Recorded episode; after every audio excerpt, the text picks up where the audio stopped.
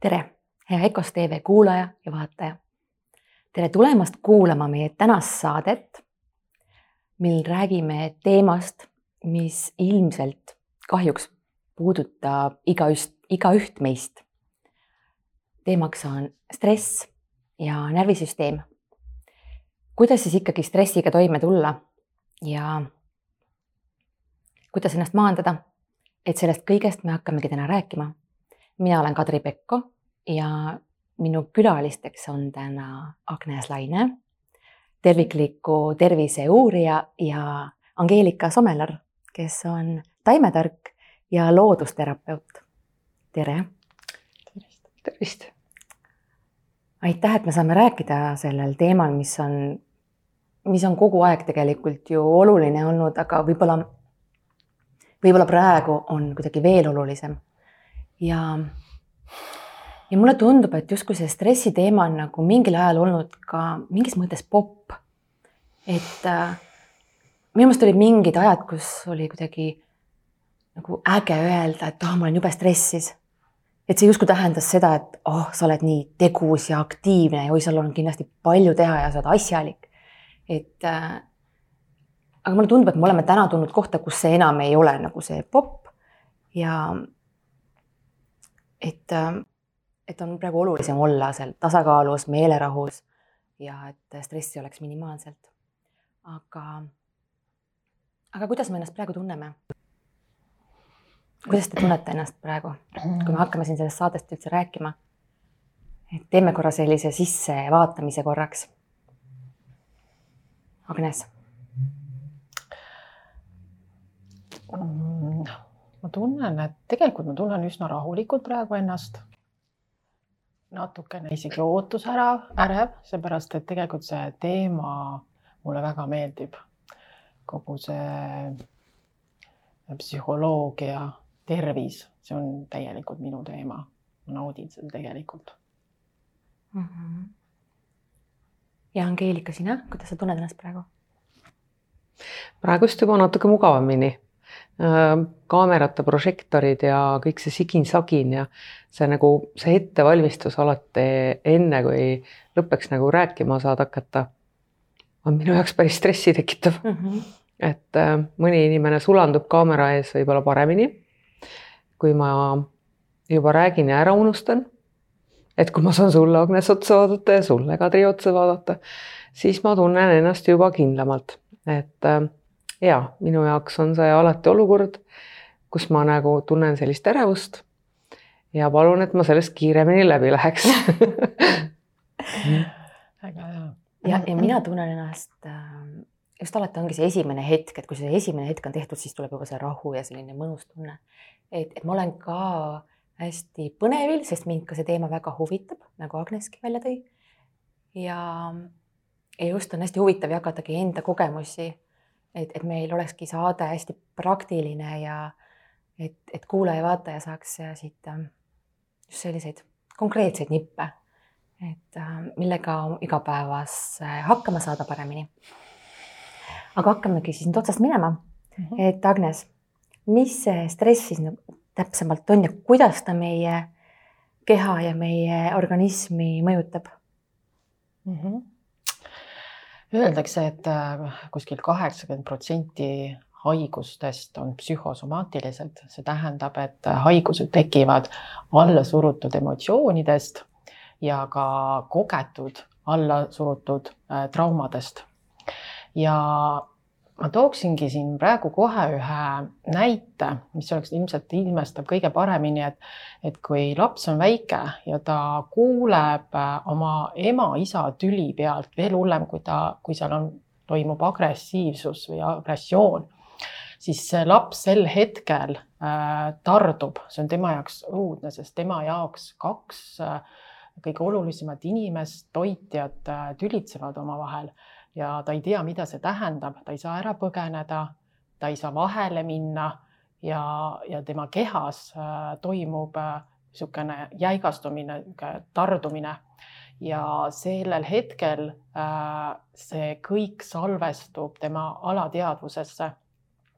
ja kui, kui nüüd vanemad või siis ükskõik kes, keegi kolmas ei aita tal sellest tardumusest nagu lahti saada, kas siis läbi selgitamise või siis mingi kehatöö, siis see jääbki sinna kehasse, mis põhimõtteliselt kantakse terve elu kaasas kuni täiskasvanuikka ja kus ta tegelikult edasi mõjutab ja, ja siis, kui see täisealisena äh, inimene kogeb kellegi teise tüli äh,, ta, ta samamoodi reageerib sellele.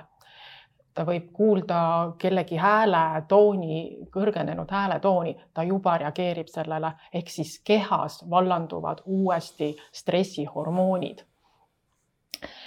jah. aga kuidas see trauma võib siis, äh, kuidas see trauma haigusi tekitab? ja kas ja kas sul on ka mingeid juba mingeid nõuandeid või mõtteid anda, kuidas see vanem võiks siis juba etteruttavalt tegeleda, et lapsel ei tekiks seda traumat mm? -hmm ma räägiks võib-olla selle koha lahti läbi äh, kolme seisundi põhimõtte, mhm. et äh, inimesed äh, eksisteerivad pealmiselt kolmel, kolmel seisundil. Esimene on kuskil seitsekümmend protsenti ulatuses rahuloluseisund, see peaks olema rahuloluseisund, kus inimene on kodus, ta ei tunne ohtu, äh, teda ümbritsevad äh, inimesed, kellega tal on hea olla, ma ei tea, olen kellegi kaisus või, või siis paitan kellegi pead ja niisugune mõnus äh, rahulik olek Äh, siis on olemas äh, teine seisund on kakskümmend viis protsendi ulatuses on stiimulit otsiv seisund, kus siis inimene põhimõtteliselt otsib enda ellu põnevust, et kas ta läheb trenni või läheb kinno või läheb reisile või võtab mõne kursuse. Et midagi, mis, mis teda köidab ja sellist uudsust tekitab. -hmm. mis see protsent oligi sellel? kakskümmend viis protsenti ta peaks äh, olema siis selles seisundis. ja kolmas seisund on siis, äh, kus inimene võiks äh, olla kõige vähem, see on põgene-võitle tarduseisund, seal ta võiks olla siis maksimaalselt kuni viis protsenti. ja mis siis selles seisundis toimub, on see, et mm, tegelikult ma räägiks lahti selle, et et äh, see äh, põgene-võitleja tardu äh, seisund on, on kõigil, nii inimestel, loomadel, roomajatel, kõigil selleks, kui me satume kokku ohuga, siis ta kas siis võit-, hakkab, asub võitlema, peab põgenema või siis tardub, näiteks kui auto laseb signaali, sa oled seal uimane, astud mhm. tee peale punase tulega, siis, siis sa tardud, kui ta laseb seda signaali mm. -hmm. et sa ei astuks ja mm. -hmm. ehk et see on nagu vajalik. ja see on väga vajalik äh, seisund äh,. selles põgene-võitle seisundis äh, äh, inimene tunneb äh, ärevust, viha, hirmu ja agressiooni. et äh, äh me peaksime tegelikult äh, olema, nagu ma ütlesin, viis protsenti selles seisundis, aga lääne inimesed äh, tegelikult äh, on selles seisundis peaaegu et kaheksakümmend protsenti. Ja ma toon jälle näite, et inim-, perekond, perekond ärkab ülesse lapsed, mees abikaasa, naised, mehed ja hakkab võitlus tualeti pärast, kes sinna kõige kiiremini pääseb siis tõuseb üles väike laps, kes üldse ei taha lasteaeda minna, ta jonnib, ta ei, ta ei ole nõus sööma, ta ei taha riidesse panna. järgmine stress, sealt hakkavad juba tekkima sellised väiksed ütlused. Äh, ja juba ärevus kasvab. järgmisel seisundil lähme, lähme kõik tööle, kooli, lasteaeda, me lähme autosse ja meil, me lähme liiklusesse, liikluses on ummikud järgmine stress, siis jõuame tööle, tööle algab äh, Äh, meilid, äh, tähtajad, äh, telefonid, võib-olla mõni, mõne töökaaslasega on sul mingi sõnelus. ja, ja juba su stress juba kolmekordistub õhtul läheme koju jälle ummikud, liiklus, võtta vaja lapsed, viia trenni, ise lähed trenni, siis sööd ja siis oled lõpuks nii väsinud, et sa lähed magama ja sedasi peaaegu et esmaspäevast reedeni ja, ja laupäev-pühapäeval omad stressid. ja, ja sedasi oleme me nagu sellises pinges ja kiiruses äh, enamus oma ajast meil, meil, meil ei ole sellist nagu rahuseisundit, kus me väga kuskil ma ei tea, tööl lõõgastume või, või, või liikluses lõõgastume, seda kõike on tegelikult võimalik stressi vastu võtta niimoodi, kui me oleme omandanud need oskused. aga nagu ma ennem nagu tõin välja, kui sul on trauma, siis sa reageerid helidele, tülidele, äh, sellistele rasket, raskematele kohtadele sellega, et sul kehas tekib, tekib stress, kui sind ei ole õpetatud äh, sellega kuidagi hakkama saama mm. -hmm. et kehas tekib pinge ja siis sa kuidagi ei oska käituda, et sa lihtsalt reageerid siis kohe. ja sa reageerid, sa, sa reageerid, sul tuleb see niimoodi automaatselt mm. -hmm. Ja teiseks selles hetkes äh, lähe nagu lähe, üle keha tekivad stressihormoonid ja kui sul on see kogu aeg need stressihormoonid kehas, siis see ongi see, mis tegelikult hästi palju haigust tekitabki. nii, aga kui ma nüüd olen täiskasvanud ja ma olen selles põgene eh, võitle seisundis mis siis täpsemalt mu kehas toimub mm? -hmm.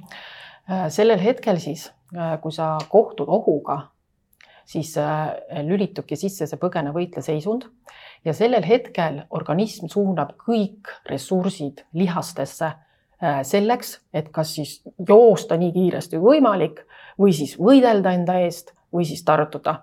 sellel hetkel ei ole vaja, et organismis toimuks seedetegevus või, või siis äh, mingi, mingisugune sügav mõtte, mõtteline analüüs või siis äh, seksuaaltegevus ehk siis armatsemine. sul ei ole neidel hetkedel see mm. noh, sul lihtsalt ei ole sellega vaja tegeleda, kõik on lihastes. ja kui sa siis nagu sellel hetkel näiteks äh, sööd, kui sa oled selles seisundis, siis tegelikult see tegevus ei toimi. et äh, ohuseisundis ei teki meil äh, sekreedid ehk siis äh, maahappe ei, teki, ensüümid ei teki ja happ, äh, sapp, sapphapped ei teki, et to, lagunduda toite lõpuni.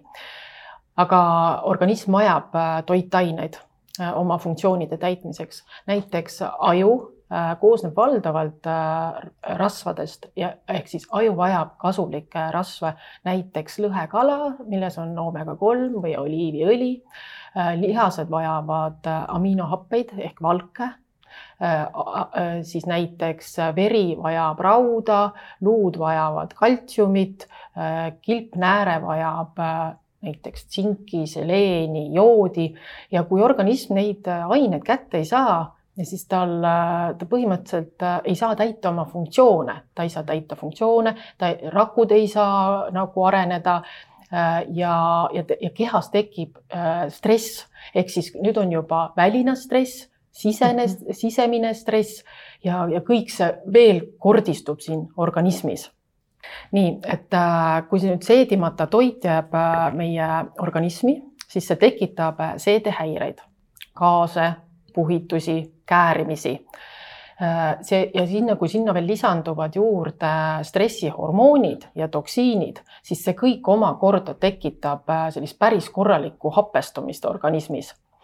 selles hapestumise äh, seisu, seisundis ei saa korralikult noh, ütleme niimoodi, et kaob ära tasakaal mikroflooras Äh, kus siis äh, kasulikud piimhappebakterid ei saa enam eksisteerida, aga nad on ääretult olulised meile, sellepärast et nad äh, kaitsevad meid patogeenide eest.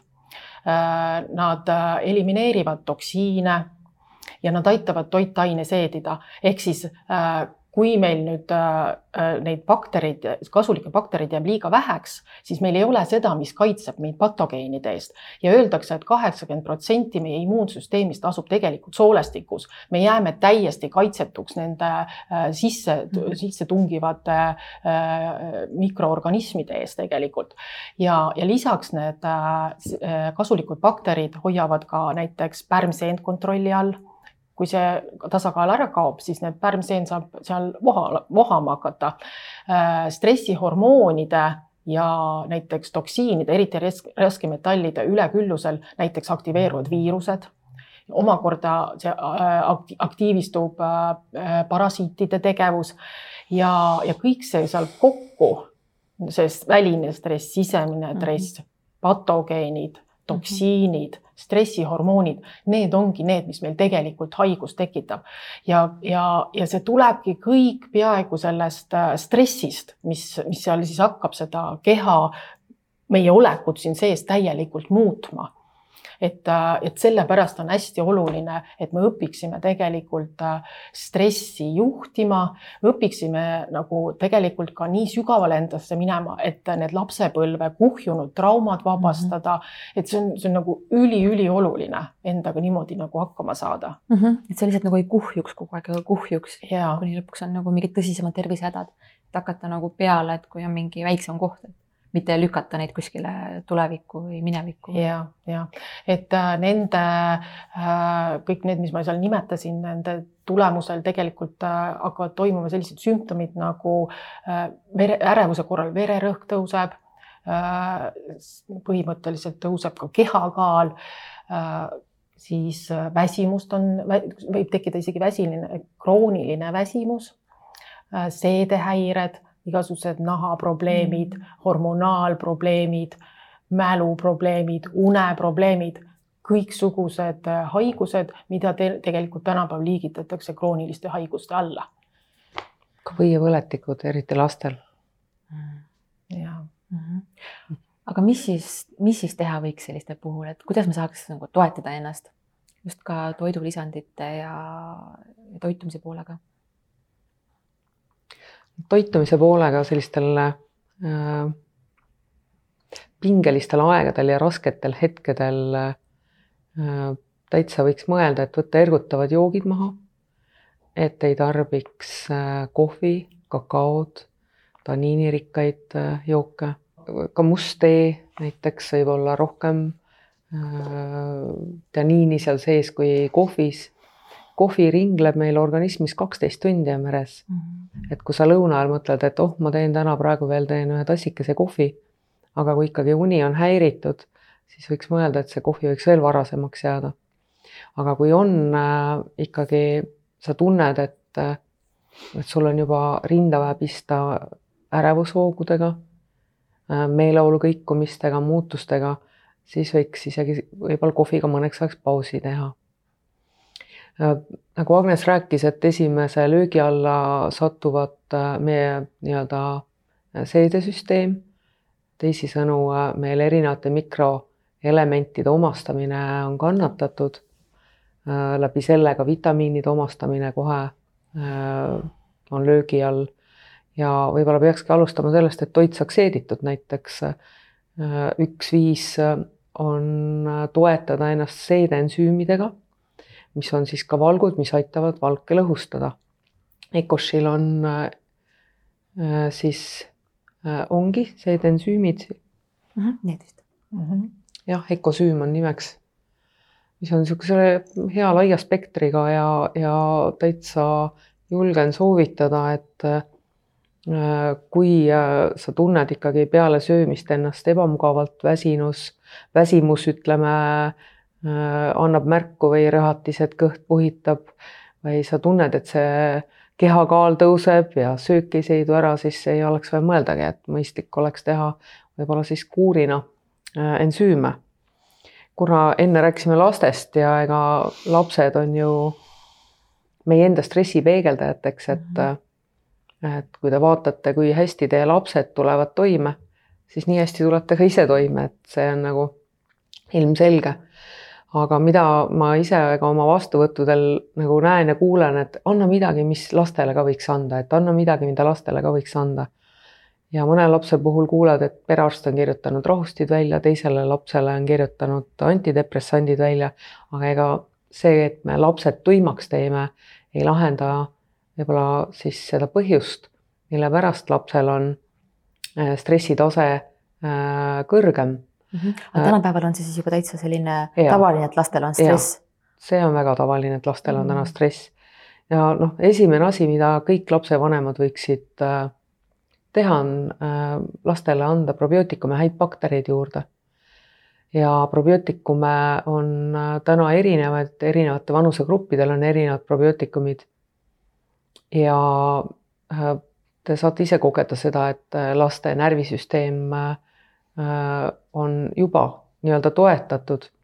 ja muidugi tuleks ka mõelda, et, et üks asi, et me anname lapsele, anname küll häid baktereid juurde, aga head bakterid tahavad ka süüa saada.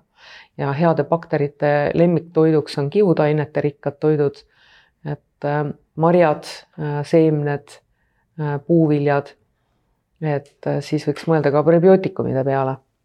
aga kindlasti üheks toetavaks pooleks näiteks ka laste puhul kipub olema see, et nad ei ole väga lihasööjad, aga liha on just see koht, kust tuleb kõige rohkem meil B-grupi vitamiine. kui Agnes rääkis ennem lihastest, siis ka lihased tahavad meil B-grupi vitamiine saada, aju tahab B-grupi vitamiine saada ja, ja kogu närvisüsteem mm. Äh, toetubki B-grupi vitamiinidel ja samamoodi kui ükskõik mis äh, stressitase, kui tõuseb, siis annab meil kohe tunda ka äh, seedesüsteemis äh, B-grupi vitamiinide tootmine, mis tähendab seda, et me jääme B-grupi vitamiinide nälga. Ja kui see pinge on meil juba pikemat aega kestnud äh, ja meil tekibki B-grupi defitsiit, B-grupi vitamiinide defitsiit, B12 organism nagunii näiteks ise ei produtseeri, et äh, taimetoitlased enamasti on ka sellest teadlikud ja jälgivad seda. Äh, ja perearstid ei tee rohkem, kui teevadki B12 näitu, et äh, ma sageli kohtan seda, et ei, mul olid kõik vitamiinid nagu korras, siis kui me hakkame natuke lähemalt uurima, et aga et noh, milliseid vitamiine siis uuritakse perearsti poolt, siis selgub, et need on ainult tegelikult kaks vitamiini, B12 ja D3. Äh, aga inimene vajab äh, oma nii-öelda siis eksistentsiks iga päev kvaliteetset külluslikku nii-öelda vikerkaart oma toidulaual ja ideaalis võiks olla see ka veel ära seeditav, aga kui me ei tule toime pingega, mis meil igapäevaselt ümbritseb, siis äh, me jääme hätta mhm. ja nii lihtne see ongi, et siis oleks mõistlik nagu kasvõi lihtsate asjadega hakata ennast toetama, mis äh, võimalik on ja selleks on taimsed preparaadid, selleks on head bakterid mhm. ja eeskätt nagu mõeldagi läbi, et kuidas sa tunned ennast peale sööki ja küsida ka oma laste käest, et kuidas sa tunned peale sööki, et kas nüüd on niisugune väsimus, et viskaks kohe diivani peale siruli ja, ja suudan ainult telekapulti, eks ju, näppida -hmm. või sa tunned, et sa said energiat. -hmm. et minu meelest ongi nagu aru, äh, nagu oluline aru saada, et, et peale toidu söömist ei peaks olema väsinud, et, et vastupidi, peaks olema energiline aga see justkui nagu tundunud tavaline, et pärast ongi. see on meile tänaseks viskad leiba luusse ja nii edasi, et peab olema mm -hmm. nagu see aeg. No just, ikka need oleks sellised seedimist toetavad äh, esimesed äh, mõtted. hiljem võib-olla räägime natuke ka sellest, kuidas äh, närvisüsteemi toetada mm. -hmm. aga kuidas siis ikkagi, oleme nüüd hästi praktilised, et ähm, kui tunned, et hakkab kuidagi tasakaal paigast minema, et, et mis võiks olla need sellised tööriistad või, või ähm, viisid, kuidas ennast maandada, oma stressi madalana hoida või et teda ei oleks. Agnes, mis need sinu viisid on? no kui füüsilise koha pealt vaadata, siis äh, mind, mind toetavad hommikuti hästi äh, võimlused äh,, viis tiibetlast ja Shindo venitused. Mhm. et nad toovad hästi keskmesse ja nad annavad hästi palju energiat, et mul oli väga pikalt mingi periood, kus ma, ma olin nagu keset päeva juba nii väsinud, et ma, ma ei jõudnud enam mitte midagi enam õhtul teha. ja, ja nagu see on minu jaoks päris suur ime, et nad nagu tõesti annavad terveks päevaks energiat ja ka jalutamine, et minu jaoks on loodus ikka täielikult A ja O, et ta, mhm. et kümnest minutist ei aita, poolteist tundi, siis ta nagu tõmbab äh, selle kuidagi selle keha ümbert energeetika mm -hmm. täiesti puhtaks nagu. et need kolm on nagu mm -hmm. minu sellised äh, füüsilise äh, tegevuse poole pealt mm, -hmm. mis mind aitavad mind, mind ka nii kõnetab see looduses olemine ja see samamoodi, et ükskõik, mis tuju sul on, kui sa lähed, et kõige olulisem on see, et sa lähed välja et isegi kui ilm on kehv ja vihma sajab, siis äh, sa tuled tagasi, sa oled õnnelikum. täiesti ja, teine inimene. ja, ja sa justkui mm -hmm. ikkagi nagu kõnnid või noh, osadel on ka see jooksmine, mis neid maandab mm -hmm. samamoodi. et ka siis jooksmine või jalutamine, et sa justkui nagu raputad maha selle mingit sorti mure või mingid mõtted, mis ei toeta mm. -hmm. aga Angeelika, et äh, millised tegevused sul hommikul on niisugused? mis sind äh, ega sarna, sarnased sinule, et ega samamoodi ei vaja liigutamist et äh, keha nii-öelda liikuma saada. Ähm, ma noh, füüsiliselt äh, teen Qiguni ja mis on sama, Qigun on äh, energeetiline, ütleme siis ma panen oma energeetika liikuma enda sees ja ma võin sellega alustada juba voodis. aga ma võin ka sellega õue jõuda. Aga üks asi, mis mind kindlasti ka toetab igapäevaselt, on karastamine. Mm.. see on nagu ütleme, et päevanoel vahel, vahel on see noh, mõtled, et see on nagu kõige kaunim osa minu päevast, kus ma saan paljajalu olla muru peal õues, olenemata siis ilmast. Ja, ja noh, see loodus on asendamatu, kui sa saad ikkagi kontakti loodusega, siis äh, igalühel on oma, mul vahel piisab, et ma kannan midagi taskus loodusest või panen selja vastu loodust, aga hästi aitab ka, et ma olen lihtsalt paljajalu korraks õues, et äh, talvel ka? talvel ka ja mhm. talvel noh, ehk et ma vees käin aastaringselt, et see on mm -hmm. nagu see osa, mis kuulub äh, minu päeva hulka. aga ja ma ise tahaks veel enda poolt lisada ka sellise, mis mina olen märganud, mis minu jaoks on hästi oluline, on, et oleks ikkagi mingi päevarutiin ja rütm. et ei maksa seda sõna rutiin karta, mida ma ise olen hästi pikalt kartnud. tegelikult see rutiin on just see tegelane, kes toetab keha mm -hmm. ja kehale nii meeldib tegelikult. ja teab, mis, mis on järgmiseks tuleb ja, ja, ja. tuleb söömine ja nüüd tuleb magamine just. ja nüüd tuleb mida rohkem rutiini, seda paremini organism tuleb toime ka äärmuslike olukordadega mm. -hmm. ja see rutiin on meile kuskilt on nagu loodud see, et see on nõme, on ju, et, et ilmselt see on äkki sellest, et, et inimesed teevad võib-olla rutiinset tööd. Aga ka iga töö saab ka mõelda enda jaoks, eks ju, mitterutiinseks. aga kui organism oskab oodata, et kui mingigi rütmi suudad talle tekitada eh, siis igasugused äh, noh, väikesed väljapoolt sisse tulevad stressid mm -hmm. ei löö meid rivist nii mhm. lihtsalt välja. jah, on kergem nagu -hmm. vastu võtta on ju organismil on ju ja et ma ise olen küll märganud, et kui lihtsalt, kui kasvõi selline tavaline näide, et kui mul on mingi enam-vähem päevarütm ja kui mõni päev läheb see rütm nagu täiesti teistmoodi, siis ma olen kuidagi häiritud kohe, ma ei suuda nagu saada lainele.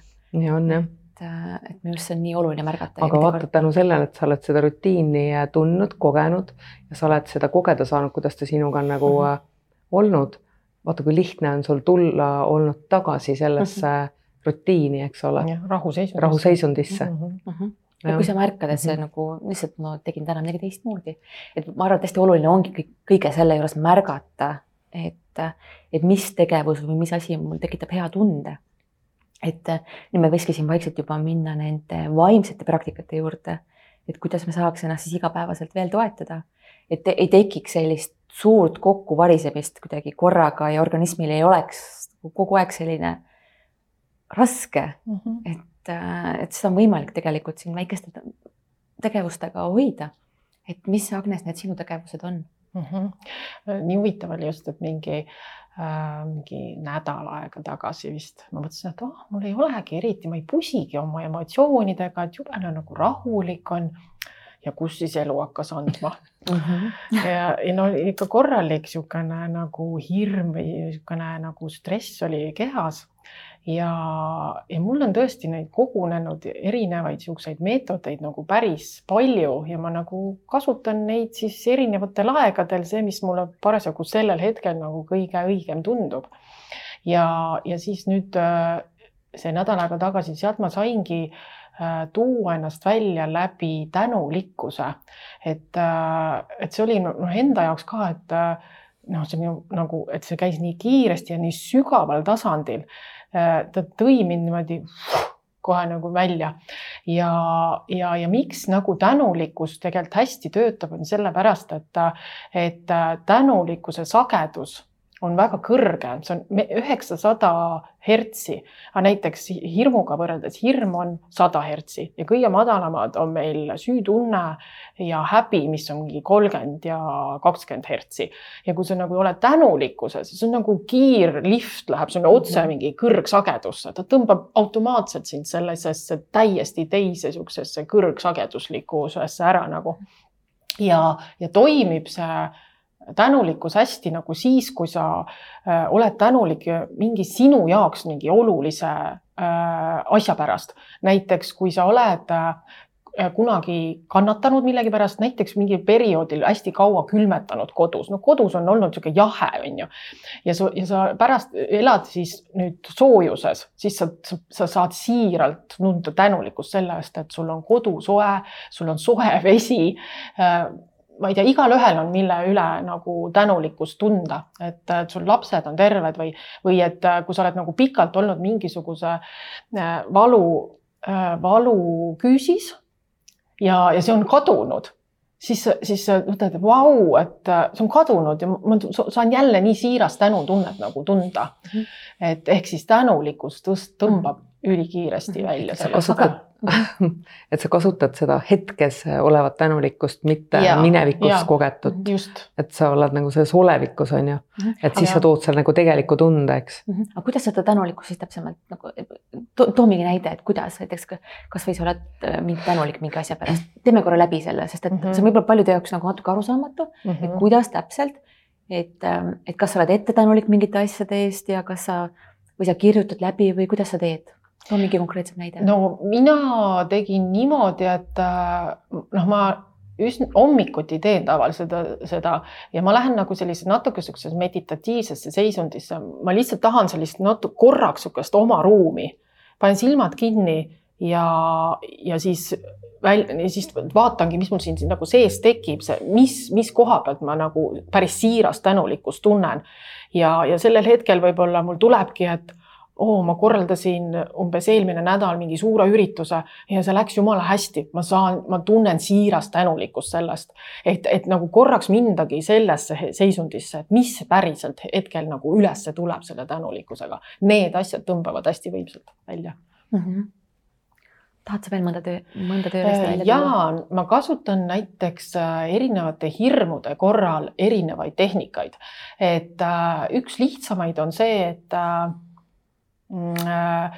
ma äh, ei keskendu sellele hirmule sellel hetkel, ma nagu vahetan, ma, ma, ma suunan selle mingisugusele positiivsele mõttele, see on nagu televiisorist puldi vahetus, mulle ei meeldi see saade, mis tuleb, ma otsin midagi paremat klõps teine mm, -hmm. mis mulle rohkem meeldib ja ma, ma teen samamoodi mingisuguste negatiivsete emotsioonidega, et ma ei keskendu sellele, ma ei hakka ennast kerima sellesse emotsiooni sisse, vaid ma keskendun millegi muule. siis äh, tihtipeale mul on sedasi, et kui mul mingil päeval kuhjub kõik, tunned, et sel, sellega on sedasi ebameeldiv ja sellega on ebameeldiv ja kõik see päev tundub niisugune mm, ei meeldi kohe üldse, siis mind äh, hästi toetab see, et homme on see kõik möödas ja ma ütlengi endale, ma kannatan selle tänase päeva ära, homme on kõik möödas ja mingi üheksakümmend üheksa protsenti, see ongi homseks möödas. et ma ei tea, kas see kuidagi mingi taotlusena toimub või ma ei oska öelda, igal juhul järgmisel päeval on mul kõik jälle nagu hästi, aga võib-olla see on ka sellest, et ma ei kerinud ennast spiraalina sinna mm -hmm. kuskile sügavusse, mis oleks mind ka järgmisel päeval nagu kandnud. aga nende emotsioonidega siis, et, et, et kui sa valid, millele sa keskendud et, äh, et kui sa vahetad nii-öelda puldil kanalit mm, -hmm. et, et samas see on ka hästi oluline minu arust märkida, et, et see ei tähenda, et seda asja ei oleks olemas. et, et nagu sa vahetad puldil kanalit, et see ei tähenda, et seda saadet ei oleks olemas. lihtsalt sina valid keskenduda teisele asjale. ja ma lihtsalt keskendun sellel hetkel teisele, et kui seal äh, ma märkan, et noh, see, see teema on ikka väga sügav, et seda ei saa niimoodi eirata, no siis ma võtan järgmise meetodi kät, esi, kätte ja, ja küsin siis, et äh, tavaliselt, et mis on see kõige hullem, mis saab juhtuda noh, näiteks oletame, et meil on mingi tüli, on ju, seal on mingi oht, et me läheme mingi mehest lahku või midagi. et see on nagu, see on, see muudab ju väga palju su elu, on ju, sa kardad seda situatsiooni. et siis tasubki nagu läbi käia, et mis on see kõige hullem, mis siis saab juhtuda. tavaliselt kõige, kaks kõige sügavamat hirmu, mis inimesel on, on surmahirm ja üksinda jäämise hirm. ja kui sa käid selle jada läbi ja jõuad selleni, siis sa saad aru, et seal vahepeal, enne kui sa nälga sured või, või, või mis iganes juhtub, on vahepeal saad mhm. sa väga palju erinevaid asju enda heaks ära teha. ehk siis ta, ta nagu lahjendab seda hirmu ikka kordades ja, ja lõpuks võib-olla isegi tekib niisugune tunne, et hm, aga ma siis vaatan, et mis mulle siis elu hakkab nagu pakkuma selles mm -hmm. situatsioonis, kui mind siis näiteks maha jäetakse mm -hmm. või ma ei tea, töölt lahti lastakse või midagi. et, et, et kukutan niimoodi ennast usaldusse, et ma vaatan, mis siis saama hakkab mm, -hmm. et, et elu üldiselt, kui sa usaldad teda, siis ta kannab sind väga edukalt mm. -hmm. et vahel ongi täpselt nii hea nagu nagu seda läbi teha, aga nagu sa rääkisid, et, et, et kui on mingi hirm, siis okei okay,, mis, miks ma kardan, mis on kõige hullem, mis juhtub, on ju, ja siis, kui, et keegi nagu aitab sind, toetab sel teel ja küsib sinu käest, on ju, sa vastad talle taga edasi, mis siis juhtub, kui see juhtub ja, ja mis siis ja, ja tavaliselt jah, sa jõuadki sinna surmahirmuni või. ja et see on nii oluline, vahel on see nii hea läbi teha. ja, ja mis meil nagu, mis mul nagu viimasel ajal on hästi nagu toiminud on see, et ma olen hakanud äh, võtma oma varjukülgi vastu, et äh, väga lihtne on see tingimusteta armastuses armastada oma positiivseid omadusi mm, -hmm. aga tingimusteta armastus tähendabki ju see tegelikult, et ma võtan vastu ka oma negatiivsed omadused või mis iganes mul seal on, et, et ma ei tea, no võtame, et ma olen näiteks äh, isekas, on ju. Et äh, tavaliselt äh, me ei taha isekad olla, me ei taha laisad olla, me ei taha süüdi olla, me ei taha neid negatiivseid, me hakkame nagu tegema kõike selleks, et äh, kuidagi ära lükata, ära alla suruda, me seisame vastu sellele, aga just õppida nagu mhm. vastu võtma. Okei okay,, ma olen isekas. Ja siis, ja siis on seal veel hea küsida näiteks seda, et, et aga mi, miks see on hea, et see mu elus on, et mina nüüd, no mina olen selline inimene, kes usub eelmistesse eludesse ja, ja võib-olla mul on olnud seal mingi viimased elud kõik sellised, kus ma olen kogu aeg kedagi teist teeninud, ma ei olegi saanud iseenda elu elada, sest ma olen kogu aeg kellegi teise teenistuses. et kuidas teistel nagu hästi on, aga võib-olla mul selles elus on mingi missioon täita, ma peangi õppima äh, nagu enda peale rohkem mõelda, et see missioon saaks täidetud, et kui ma hakkan nagu kogu aeg vaatan, kuidas teistel hästi on, siis jäävad minu asjad lihtsalt tegemata. no seal võib olla nad sellised kohad, eks ju, et tasub nagu küsida ja uurida uurida, et, et miks, miks see omadus siis äh, minu elus on, et mida ta mulle tuleb nagu õpetama, näiteks need noh, süütunded aga võib-olla ma olekski süüdimatu, kui ei oleks mm -hmm. neid süütundeid, on ju, mhm. et äh, tasub küsida enda käest, et miks see on mm. -hmm. aga mis tunne see on, kui sa võtad selle varju poole täielikult vastu?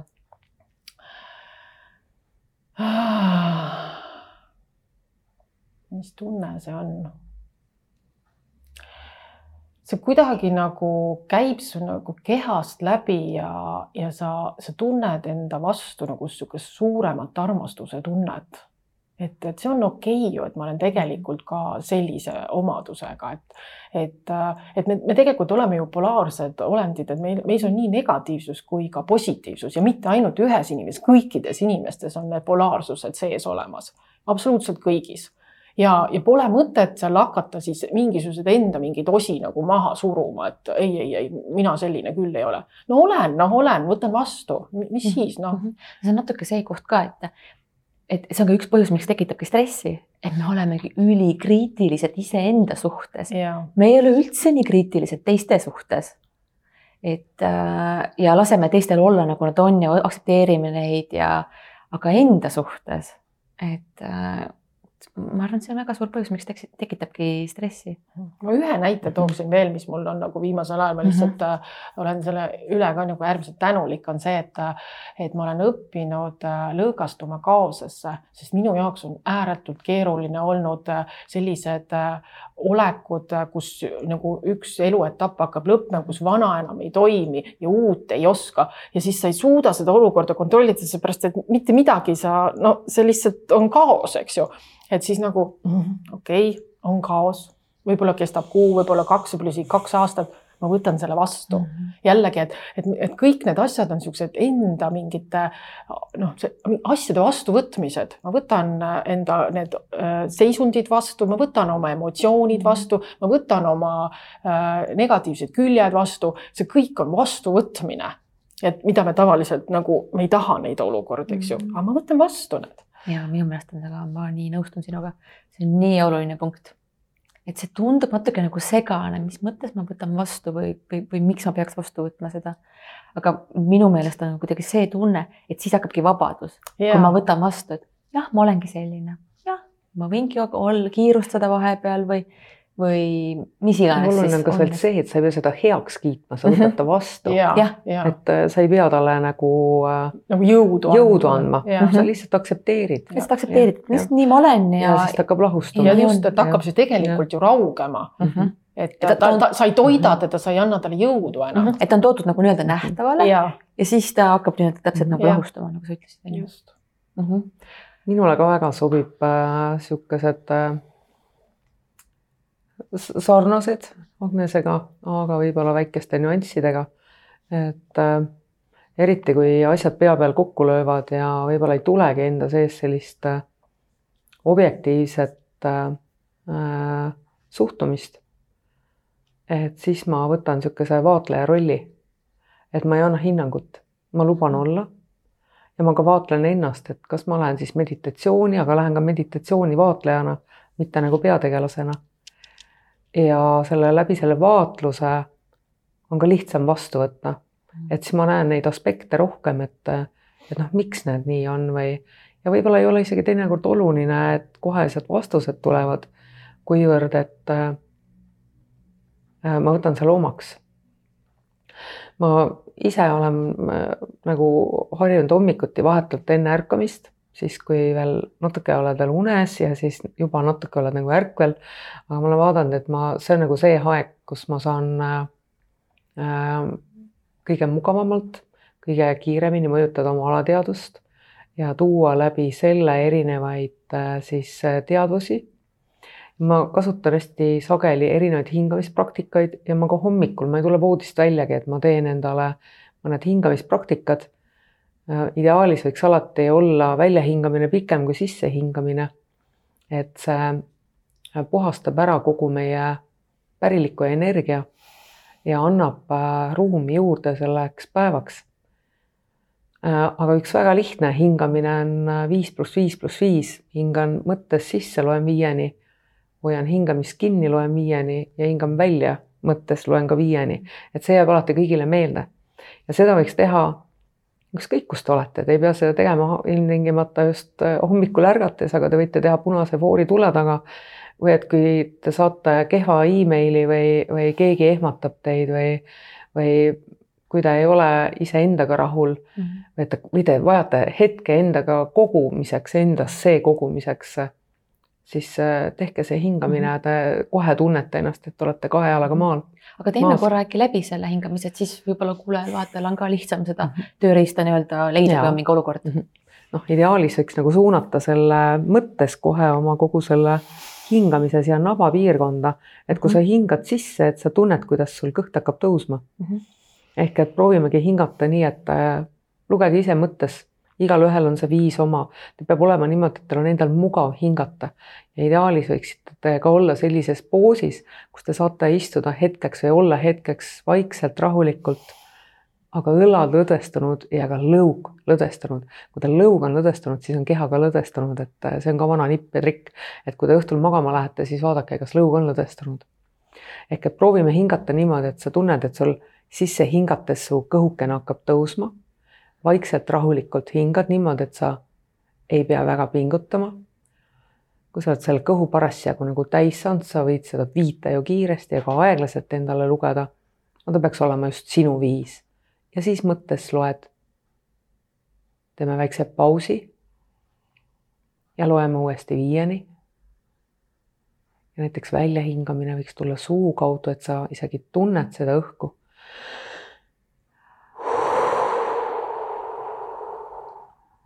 kõht läheb tühjaks. väljahingamine on, see on üks ilusamaid hetki. see on suur kingitus, millega sa puudutad seda maailma. sa teed kingituse sellesse päeva. sa teed kingituse oma lähedastele, sa teed kingituse iseendale. et äh, hingata saab igate moodi. aga see on näiteks üks viis, mis äh, on veel alati nagu trumbina taskus kaasas olemas üks asi vist samamoodi, mis Agnes ka mainis, et on ikkagi selline situatsioon või hetk, mis, millega ma ei tule toime. et äh, ega palavat suppi väga ka süüa ei saa, et sa pead ka laskma tal võib-olla natuke äh, jahtuda. siis ma panen selle riiulisse, ma panen sahtlisse ära ja ma ütlen, et sa oled minu oma. ma tegelen sinuga lihtsalt natukese aja pärast hiljem, siis kui ma olen paremini kohal ja mulle meeldib see ütlus, et ega ühte head kriisi ei saa raisku lasta minna, et äh, kriisid on need, kus me äh, oleme valmis muutuma. kriisid on need hetked, kus me äh, oleme valmis peegelduma ja ka teiste peegeldusi vastu võtma, sest et see viib muutustesse. ja stressirikkal ajal on nagu eriti oluline, et me kuulaksime teisi, et me oleksime kohal. väga hea viis on, et äh, sa lasedki ennast peegeldada, et kas see sinu lähedane inimene, kellega sa räägid, kas ta kuulis sind, kas ta ikka oli kohal. ja see aitab meid hästi palju edasi selles, et, et me ei saaks teineteisest valesti aru mm. -hmm. aga kas see võiks nagu, aga kas see võib ka nagu lisapinget tekitada? kõik asjad võivad lisapinget tekitada, et, et pigem peaks olema see ikkagi kokku lepitud, et mitte, et ma nüüd lendan sulle selga ja mm -hmm. ütlen, et nii, mis ma rääkisin mm. -hmm. ütle nüüd, mis sa, mis sa kuulsid alati, alati aitab see, kui ma ei, ei süüdista teist, vaid ütlen, et ma märkan. ma märkan, ma tunnen. mul on, tekib ärritus või et ma märkan mm, -hmm. et ma olen armukade või ma märkan mm -hmm. seda või teist või mhm. kolmandat. ja see on tegelikult ju kindel praktika, et see on ka siis rõhklingu praktika. et aga kõik sellised praktikad äh, ongi praktikad -hmm. see mhm. tähendab seda, et neid, nendega tuleb tegeleda yeah. ja mida rohkem on meil endal nii-öelda tööriistu, mida me erinevatel perioodidel saame rakendada ja kasutada, me ju tunneme ise ära, mis meile sobib. seda tegelikult äh, paremini püsime me tasakaalus. ja nii närvisüsteemi mõttes kui ka, ka teiste jaoks, eks ole, et, et olla rohkem kohal mm. -hmm. Aga kui on ikkagi praegu, ütleme, et on hetkel mingi olukord ja, ja mul ei tule mitte ükski, ükski praktika meelde, mida siis mhm. teha? mingi väike asi. Ütleme, ma kordaks seda, et mine õue, mine jalutama. See õue, aitab iga, iga värske õhk aitab alati. Ja. ja kui isegi ei saa minna, inimesed, kes on, põevad mõnda kroonilist haigut, haigust või ongi äh, voodisse aheldatud oma haigusega, siis tuleks alati paluda, et, et tehke akent lahti, sest haigused teatavasti tekitavad meil ka õhku sellist noh, positiivseid joone, mis teevad õhu paksuks. vaata, kui inimesed tülitsevad ja astud uksest sisse, tunned kohe, kuidas nagu kirves võiks õhus, õhtu, õhku kinni jääda. no me täna on nii palju viise, kuidas tuua juurde negatiivseid joone, isegi töökohtades on juba ionisaatorid olemas, eks ole, meil koduski on.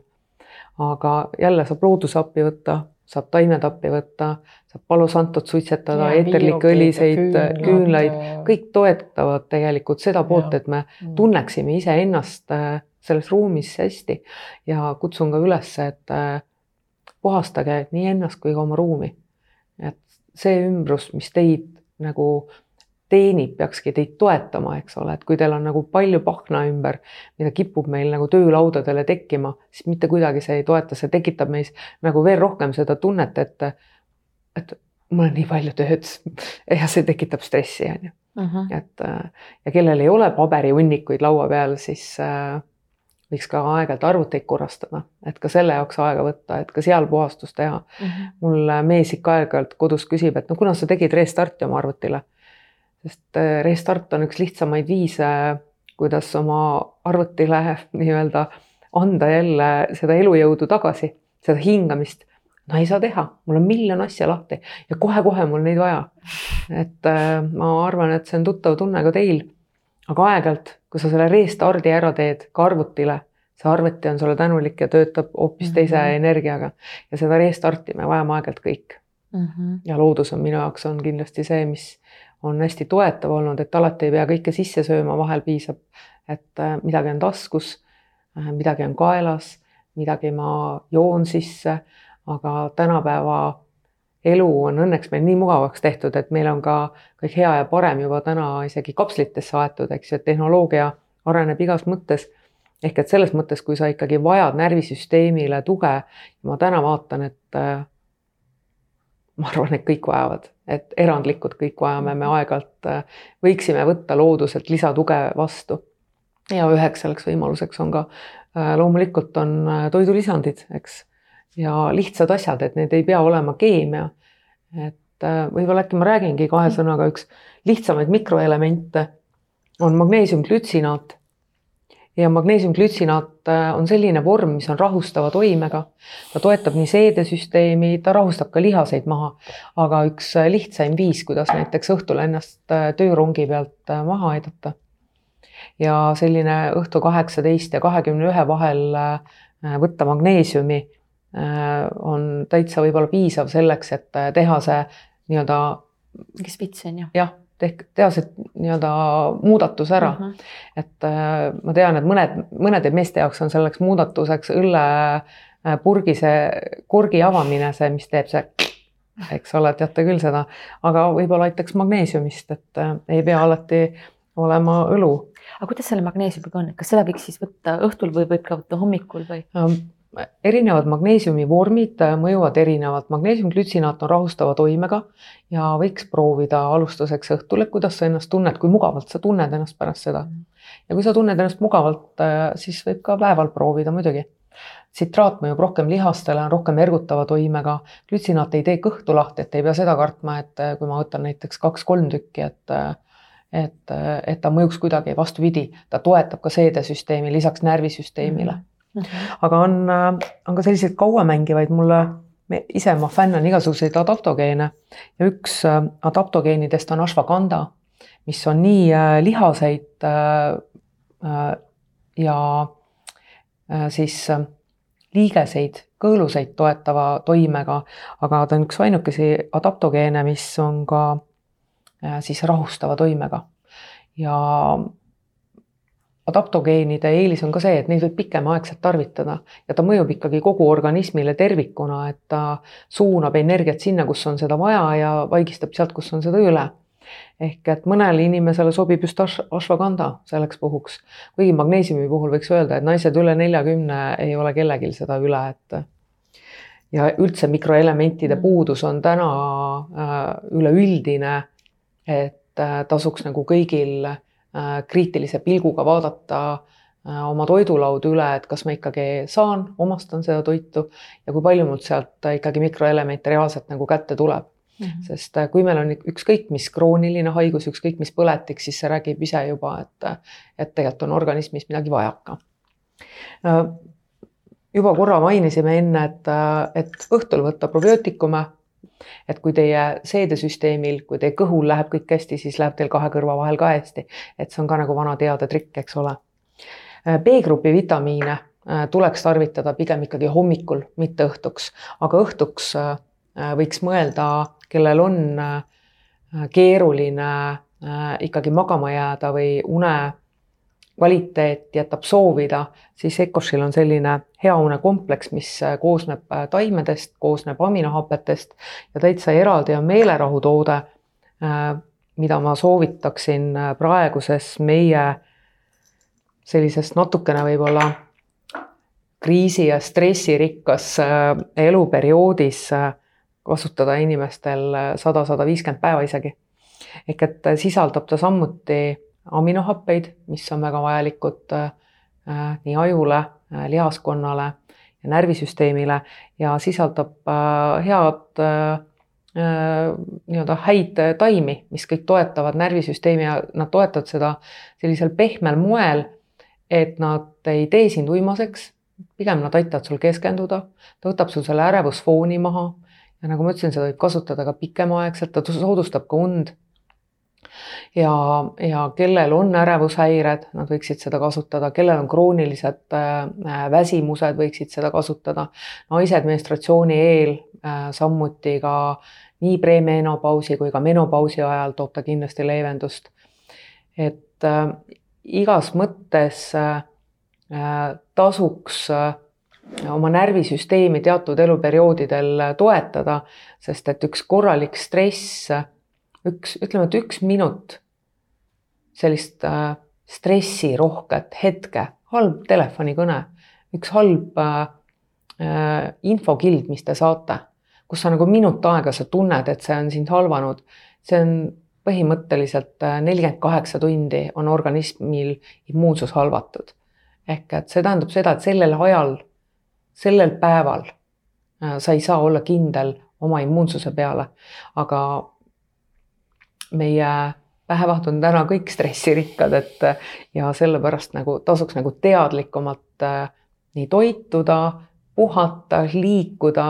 Ja kuni on piisav, äh, siis ei ole meil äh, ka probleeme, ütleme selliste päevapingetega toime tulla, aga igapäevaselt kuulen siit ja sealt, et jah, magama jään hästi, aga näed, vot kella kolmest hakkan kella vaatama.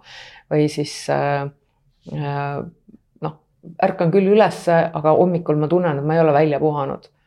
tasuks ka uurida, kui palju äh, seda tegelikku äh, und teil üldse on, palju seda REM-und Mhm. teil on, et see on ka teinekord inimesi jahmatav, et lähen küll õigel ajal magama, aga selgub, et, et tegelikult ma magan väga vähe. aga kuidas seda oleks hea uurida? Mingid äpid või? tänapäeval on äpid, kellad mõõdavad seda, on sõrmused, mis mõõdavad ja kui on ikkagi probleemid, siis on vaja ikkagi pöörduda perearsti poole ja tänaseks ju on võimalik ka ise minna uneuuringutele ja ka ise selle eest maksta, kui on vajadus selleks. sest et äh, uni on siiski väga oluline ja vajalik meie stressirohkel perioodil mm. Mhm. ma tooks ühe asja sisse, sa ütlesid, et äh, inimestel, kellele, kes, kellel läheb kogu aeg äh, uni ära kella kolme paiku mm. -hmm. siis äh, tasub tegelikult maksa kontrollida, sellepärast et kui kolme-nelja aeg läheb uni ära, siis on, see on maksa aktiveerumise aeg. maks läheb tööle siis jah? ja, ja, ja see tähendab seda, et Mhm. maksal on päris äh, Mhm. suur töö, koormus, koormus mm -hmm. teha. detoksifikatsiooni kõrghetk on ju, aga mitte ka ainult, et äh, neerud toodavad meil sel ajal ka usinasti kortisooni Mhm. ehk et kui äh, Agnes enne rääkis meile stressihormoonidest, siis kui me täna vaatame meie äh, tavalist inimest nagu me isegi oleme, siis äh, meid valmistatakse igapäevaseks nagu sõtta minekuks ette mm, Mhm. -hmm. aga sõda tegelikult ju ei järgne. aga organismi jaoks on see meeletu energia ja ressursikulu. et äh, me kulutame täna kõik kolm korda rohkem C-vitamiini, me kulutame kolm korda rohkem tsinki, kui tavainimesed Mhm. peaksid seda tegema äh, normaalses nii-öelda siis eluolus. ehk et olukorrad on keerulised. kuulsin ükspäev raadiost, et äh, Tallinna psühhiaatriakliinikus on lastele ainult üks psühholoog. kas te saate aru, terve Tallinna peale, et äh, kes on siis riiklikult, et ma loodan, et ma kuulsin valesti.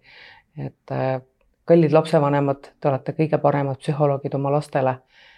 Teie lapsed on teie peegeldused, et tehke midagi iseendaga, et teie tunneksite ennast hästi, sest et siis on ka teie lastel rohkem kindlust ja, ja seda rahulolu. ehk et on palju lihtsaid väikseid tehnikaid, mida igaüks saab teha.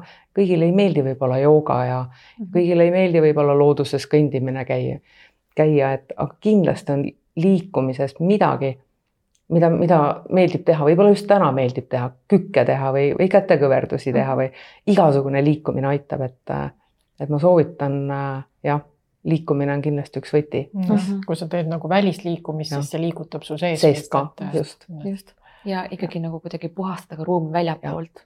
kui sa puhastad ja. ka väljapoolt, lood korda, siis sa lood ka seespool korda. ja muidugi stressirohkel perioodil nii vähe alkoholi kui vähegi võimalik, et see on ka sihuke äh, vana teada-tuntud äh, tõde, et alkohol jäägu äh, rõõmsate inimeste joogiks, eks ole et kui sa oled ikkagi stressis ja nukker, siis ennast alkoholiga tuimaks teha, see ei ole il-, noh, hetkeks on see kindlasti, ta ikkagi lõdvestab, ta aitab sul võib-olla rongi pealt maha tulla ja aga pikas perspektiivis sa tegelikult kurnad ennast ja, ja, ja mitte ainult füüsiliselt, vaid ka vaimselt mm. -hmm. aga kui nüüd lõpetuseks võtta kokku, siis mis on see üks kõige olulisem asi? Mida inim-, kui inimene nüüd praegu kuulab või vaatab meid, et, et ta jätaks meelde siit sellest saatest? mina võib-olla ütleks seda, et äh, selline sisemine vaatlus nagu tullagi nagu korraks iseendasse ja küsida endale, et mis minu sees praegu toimub, mida ma tunnen, mida ma kogen ja seda täiesti julgelt nagu välja öelda. et äh, tood selle esile ja nagu me rääkisime, et kui sa selle ütled välja, siis see hakkab raugema. sest minu jaoks on nagu see kõige olulisem mm. -hmm. Angeelika, sulle? ma arvan, et kui kodus on kõik hästi, siis me tuleme ümbritsevaga ka paremini toime. siis need väliskeskkonna mõjutajad ei mõjuta meid nii palju. et ja lihtne öelda, et kuulake vähem telekat või ütleme meediat. aga tehke midagigi, mida te saate perega koos teha, mis lähendaks teid, et need väärtushinnangud nagu äh, oleksid nagu käegakatsutavad, sest see annab teile seda julgust ja seda kindlust ja seda turvatunnet. ega elu peabki põnev olema, see muidu me ei õpi. aga see turvatunne hakkab meie enda mm -hmm. seest. Ja selleks me saamegi ise samme teha. ja see aitab meil stressiga paremini toime tulla. Äh, me otsime inimestes, äh, kaasinimestes samamoodi. me otsime, et nad pakuksid meile. hingerahu. ja, hingerahu, aga nagu stabiilsust. Aga stabiilsus sageli tähendab seiskumist. seiskumine tähendab, äh, kui teil üks vesi ämbris ikka tükk aega seisab, siis te teate, et see vesi äh, hakkab teistpidi käima, läheb, teised eluvormid tekivad sinna sisse. ehk et ta läheb hapuks. vesi peab voolama. ja elu peaks ka voolama. ehk et ei tohiks karta muutusi. ei tohiks karta muutusi. ehk et äh, valmistada ennast igapäevaselt ette muutusteks, et mida kiiremini me kohaneme mm, -hmm. seda tugevamad me oleme mm. -hmm. ja seda vähem stressi me kogeneme. ja seda vähem stressi mm. -hmm. aitäh teile, nüüd sai väga palju näpunäiteid, ideid, soovitusi, mõtteid. ja et igaüks nüüd ise nagu käiks läbi oma peas, et mis teda kõnetas, mis tema siit meelde jätab endale, võib-olla ka kirja paneb endale kuskile külmkapi peale näiteks. et et, äh, et kui on mingi olukord, et siis, siis tuleks meelde, et mul on kuskil see kirjas. Et kuidas, kuidas ma saaksin ennast nagu korraks välja tuua sellest kohast, kui mhm. tekib. ja, ja ma omalt poolt veel lisaks selle, et, et ikkagi vaadata üle need tegevused, mis rõõmu teevad. et, et võib-olla, kui sa oled väga sügavas stressis, sul võib olla raske, mitte miski ei paku rõõmu. aga siis ikkagi natuke nagu tunnetada, et äkki seal ikka midagi on naer aitab. Ja naer ja naer muidugi, sellest me ei rääkinudki, palju naeru mhm. ja vaadata, kasvõi ma ise tunnistan, ma vaatasin ise üks päev eh, sõpru järjest, seriaali Sõbrad ja ma pole kunagi neid nii palju järjest vaadanud ja see oli nii lõbus ja see oli tõesti ja tunne, enesetunne, kõik oli teistmoodi. muidugi. jah, komöödiaid vaadata. vaadata Just. tõesti sellist nagu head komöödiat, kus ei ole liiga palju reklaami jah. aga aitäh, et te kuulasite aitäh. me loodame, et me inspireerisime teid ja tahaks muidugi soovida ja loota, et kellelgi ei ole nüüd stressi enam. aga eks me peame olema ausad ja realistlikud, et äh, lihtsalt märgata ennast ja aktsepteerida. ja pidada ka meeles seda kohta, et kõik möödub, kõik möödub. aitäh sulle ja uute kohtumisteni ja aitäh teile aitäh, aitäh teile